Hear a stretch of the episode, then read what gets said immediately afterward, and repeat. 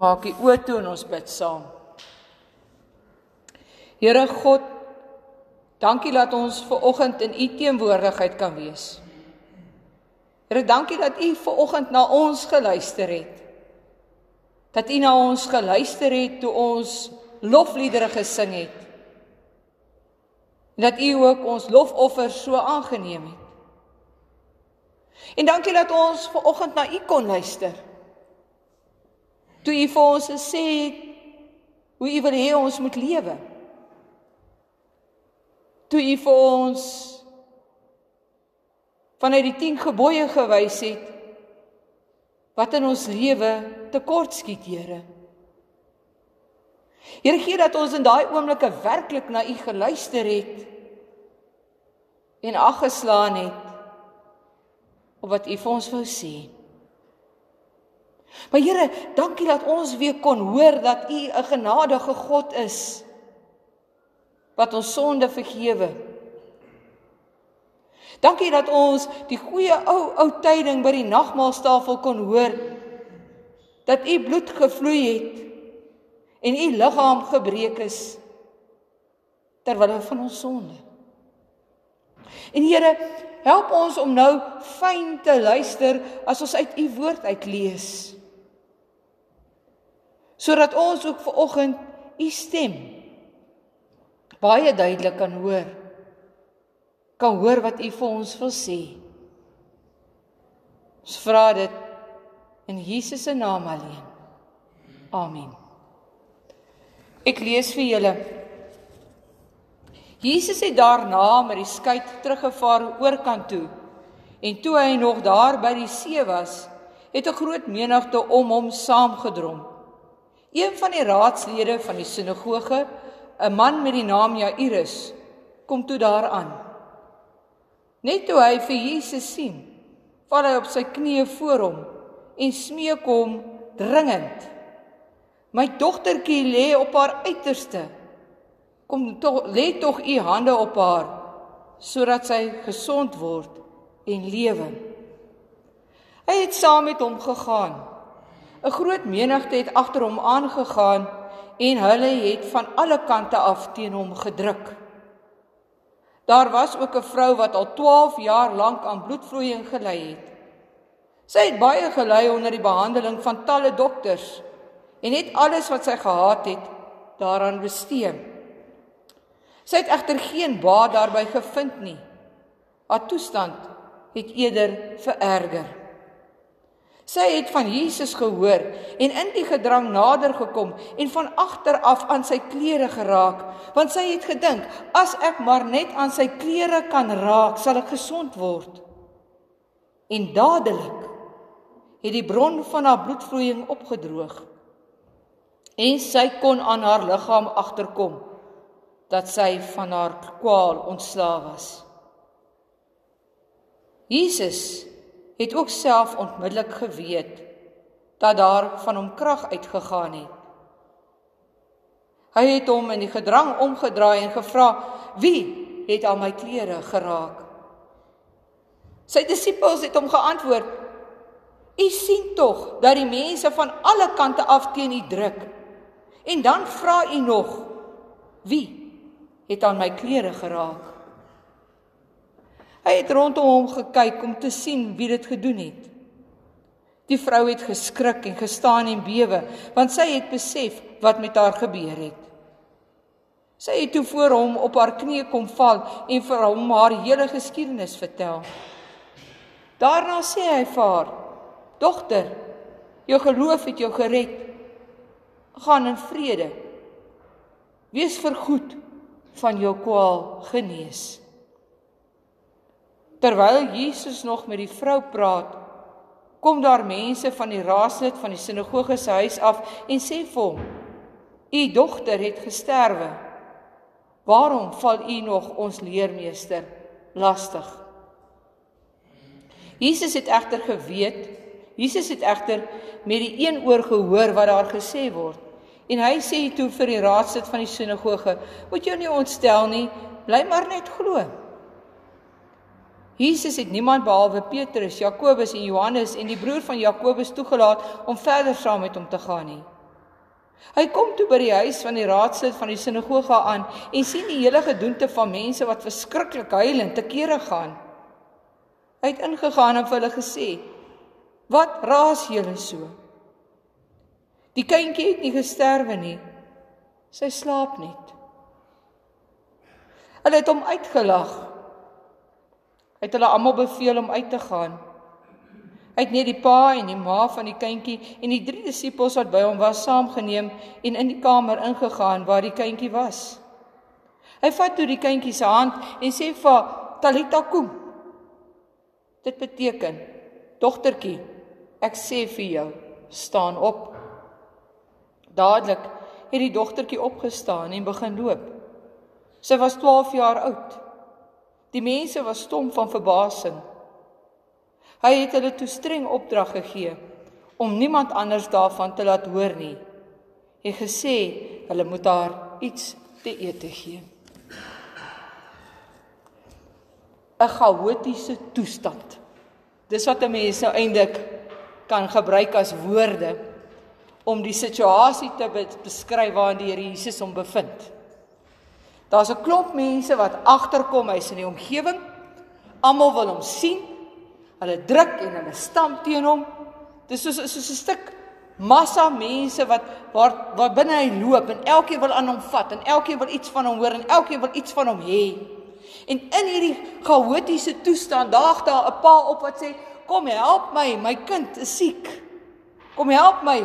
Kom kyk of jy nie my kind kan gesond maak nie, Jesus. En Jesus se hart is dadelik daar. Hy hoor, hy hoor die pyn in die pa se hart. Hy hoor die versoek van die pa en sy hart is daar en hy begin aanbeweeg na hierdie ou se huis toe. En in hierdie chaos en in hierdie gestamp aan die Here Jesus is daar 'n tweede mens wat eintlik dringend sy aandag nodig het. Wat eintlik dringend op soek is na Jesus. Maar sy het nie die moed om met hom te praat nie. Sy het nie die moed om voor hom te staan en te sê, "Help my Jesus," soos hierdie man van die sinagoge nie. En daar's 'n rede hoekom sy nie die moed het om dit te doen nie. Sy ly aan bloedvloeiing, dit maak haar onrein. Met ander woorde, sy kan nie tot by God nader nie, want die reinheidswette van daardie tyd het gesê, dan maak jy daai persoon ook onrein. Dan kan daai persoon ook nie verder gaan met sy werk voordat daai persoon voor 'n klomp reinigingsrituele deur is nie. Maar sy sy sy's 'n bietjie skelm. Sy dink by haarself, as ek maar net aan sy soem kan raak, dan sal ek gesond word. Jesus hoef haar nie te hoor nie. Jesus hoef nie met haar te praat nie. Sy hoef nie met hom te praat nie. Sy wil net aan sy klere raak. En mens kan sien eintlik as jy jou oë so toemaak, hoe sluip sy nader. Hoe sluip sy so agter hom in. En sy raak aan sy klere. En die oomblik toe sy aan sy klere raak, is hy gesond. Ek kan my indink die vreugde en die dankbaarheid in haar hart dat haar kruis verby is. Dat haar lot verander is. Want nooit ooit weer sal sy iemand onrein maak nie. Sy kan nou na die binnekant van die voorhof toe gaan. Sy kan nou met vrymoedigheid gaan en God gaan aanbid sonder om bang te wees dat sy een of ander wet gaan oortree.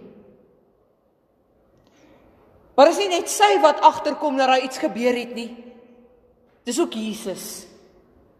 Jesus voel dadelik hier het krag van hom uitgegaan. Jesus voel dadelik hier het iets gebeur. En dan moet jy onthou, hulle dryf en hulle stap en hulle is op pad na Jairus se huis toe. En ewe skielik en hulle is nog haastig op pad want die kind is siek. Ewe skielik stop Jesus. En nou vra hy: "Wie het aan my geraak?" En hy begin rondkyk. En 'n mens kan die irritasie van die disippels voel. Jy kan dit tasbaar voel dat hulle vir hom sê: "Here, maar hoe kan u so iets vra? Almal raak aan u." En hy sê nee, daar het iets gebeur, dat krag van my af uitgegaan. Wie het aan my geraak? En die vrou besef sy's vas. Sy moet na vore kom. En dis hier waar Jesus haar menswaardigheid vier. Want die Here Jesus kon in die oomblik 'n paar keuses uitgeoefen het. Hy kon haar so gekyk het en gesê, "O, ek sal later met jou praat." Wil net weet wie dit is. Kom ons maak 'n afspraak. Kom ons praat later. Of hy kon so vir haar gekyk het en vir haar gesê, "Wat het jy gedoen? Jy het my onrein gemaak." En hy kon 'n bietjie kwaai met haar gewees het. Of hy kon vir haar gesê, "Sê net vir my in twee sinne, wat gaan nou hier aan? Ek is op pad na 'n kind toe wat baie siek is." Maar dis nie wat hy doen nie. Hy stop. En hy luister. Die skrif sê hier sy het hom haar hele geskiedenis vertel. Nou weet ek nie van julle nie. Maar as ek vir iemand my hele geskiedenis moet vertel, dan gaan dit nogal 'n rukkie neem. En die Here Jesus ja gaan nie aan nie. Hy luister. Hy luister met 'n hart wat omgee.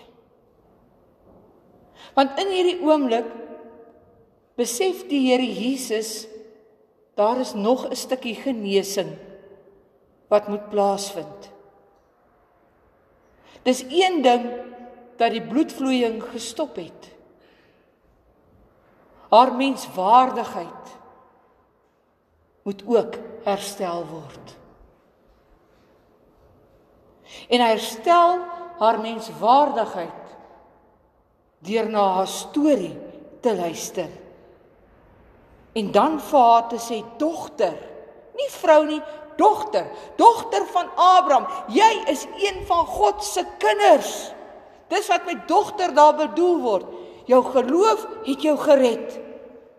Gaan in vrede en wees vir ewig van jou kwaal genees. Here Jesus maak tyd om te luister na die verhaal van 'n uitgeworpene vir onaanvaarbare. Dan kom die nuus die dogtertjie is dood. En nou moet u die sosiale struktuur verstaan. Ja, Iris wat die hoof van die sinagoge is teenoor die onrein vrou met die bloedvloeiing. En mense kan die irritasie en die pyn op 'n manier dalk ook by Jairus verstaan, want hierdie vrou was belangriker vir Jesus in daardie oomblik as hy en sy kind. Want enige ouers sal sê as Jesus net dadelik gegaan het, kon dit dalk anders uitgewerk het. En dan sê Jesus nee wat? Moenie ontsteld wees nie. Bly net glo. Met ander woorde, hy sê vir Jairus, Jairus, maak jou ore oop, hoor wat ek vir jou wil sê. Bly net glo. En dan gaan doen hy die wonderwerk. En die kind staan op. Hierdie verhaal kom praat op 'n interessante manier met ons vanoggend. As die Here Jesus tyd kon maak om na die storie van een vrou te luister wat eintlik 'n uitgeworpe in die samelewing is. Hoeveel te meer moet ons nie ons ore oopmaak en na mekaar begin luister nie.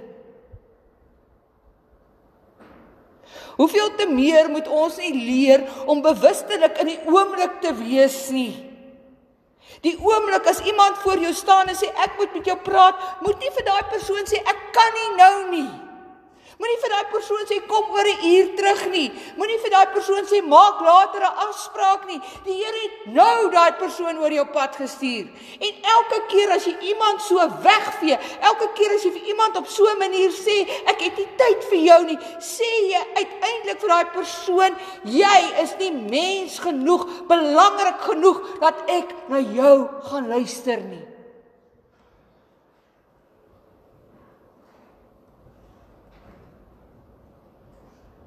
Dit gaan nie net, liewe vriende, oor ons bereidheid om in die oomblik na iemand te luister nie. Dit gaan oor die hele lewenswyse.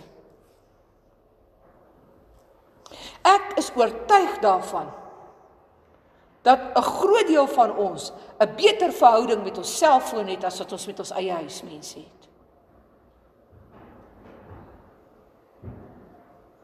Want as jy in die strate rondloop, as jy in 'n restaurant gaan sit, doen dit vir 'n slag en kyk net. Twee mense sit bymekaar en eet. Ek dink nie eers hulle weet wat hulle eet nie, want dit gaan net so. Die vingertjies hardloop net die hele tyd heen en weer. Hulle kyk mekaar nie eers in die oë nie. Hulle kan nie eers vir 'n uur 'n foon neersit nie.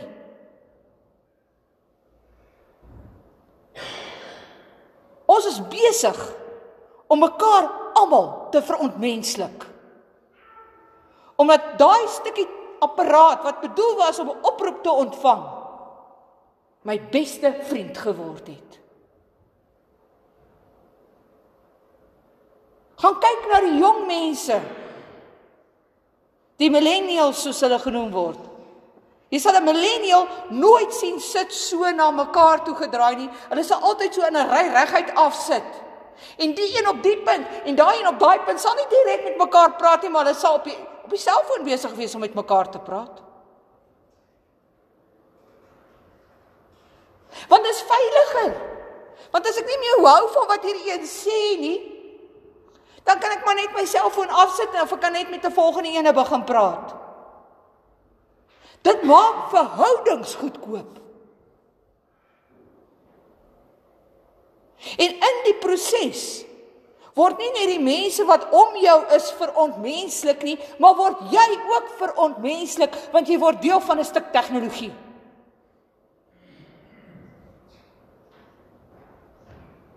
Die Here Jesus het in die egtheid van verhoudings geglo.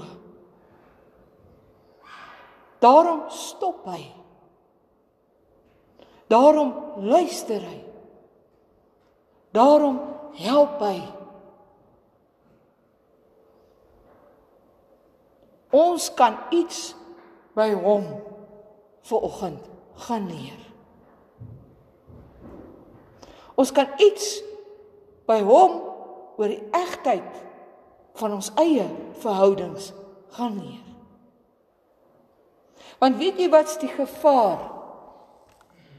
Die gevaar is dat ons naderhand nie meer aan mekaar sal dink as medemense nie. Maar as objekte wat jy kan gebruik tot jou eie voordeel. Net soos wat jy daai stukkie tegnologie gebruik. En die oomblik as 'n mens 'n objek word, iets word waaroor jy dink, waaroor jy praat sonder om met daai persoon te praat, is daar geen medemenslikheid meer oor nie. En as dit gebeur, dan het ons die hart van die evangelie verloor. Want dan het ons die liefde verloor.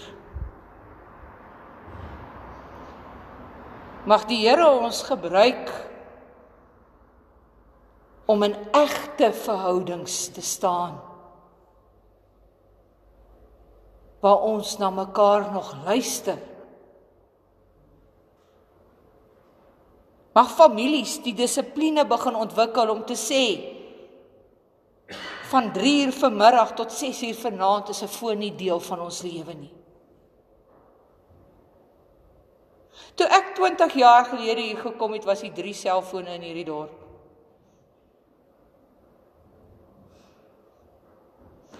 Julle kon almal met mekaar praat. Julle kon mekaar almal in die hande kry. Maar daar het 'n ding in die laaste 20 jaar gebeur wat ons laat dink as hierdie ou voetjie lui dan moet ek hom dadelik antwoord. As die dingetjie sê bliep bliep dan het nou 'n WhatsApp weer gekom. Dan moet ek nou dadelik aandag daaraan gee. Julle, dit staan in geen boek geskryf nie. Moenie laat die tegnologie wat veronderstel is om jou lewe makliker te maak, jou afgod word nie.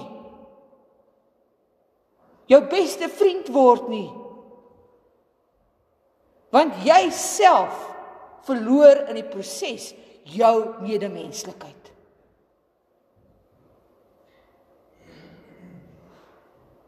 Jesus het na 'n vrou se verhaal geluister.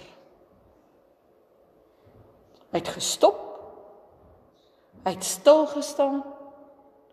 Hy het sy ore oopgemaak en hy het na haar geluister. En in daai oomblik wat hy na haar geluister het, was sy die heel belangrikste mens in sy wêreld. En het hy haar menswaardigheid vir haar teruggegee op so 'n manier. Kom ons luister na mekaar. Na die mense wat ons paaie kruis soos wat Jesus gedoen het.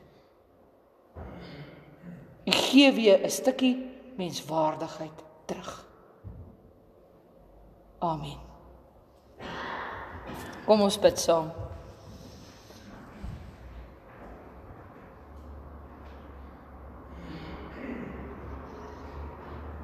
Here ons word nou stil voor U. Here as daar vanoggend iets is wat maak dat ons nie na mense luister nie. Wys dit vir ons. Praat nou met ons daaroor.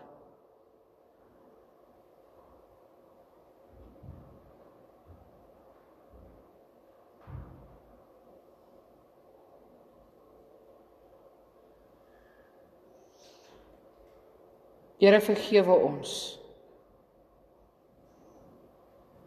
Omdat ons mekaar nie menswaardig hanteer nie. Omdat ons nie luister na mekaar nie. Help ons. Jesus help ons om met u oë na die mense om ons te kyk om die stikkende mense raak te sien. En Here om na hulle te luister. Ons vra dit in Jesus se naam alleen. Amen.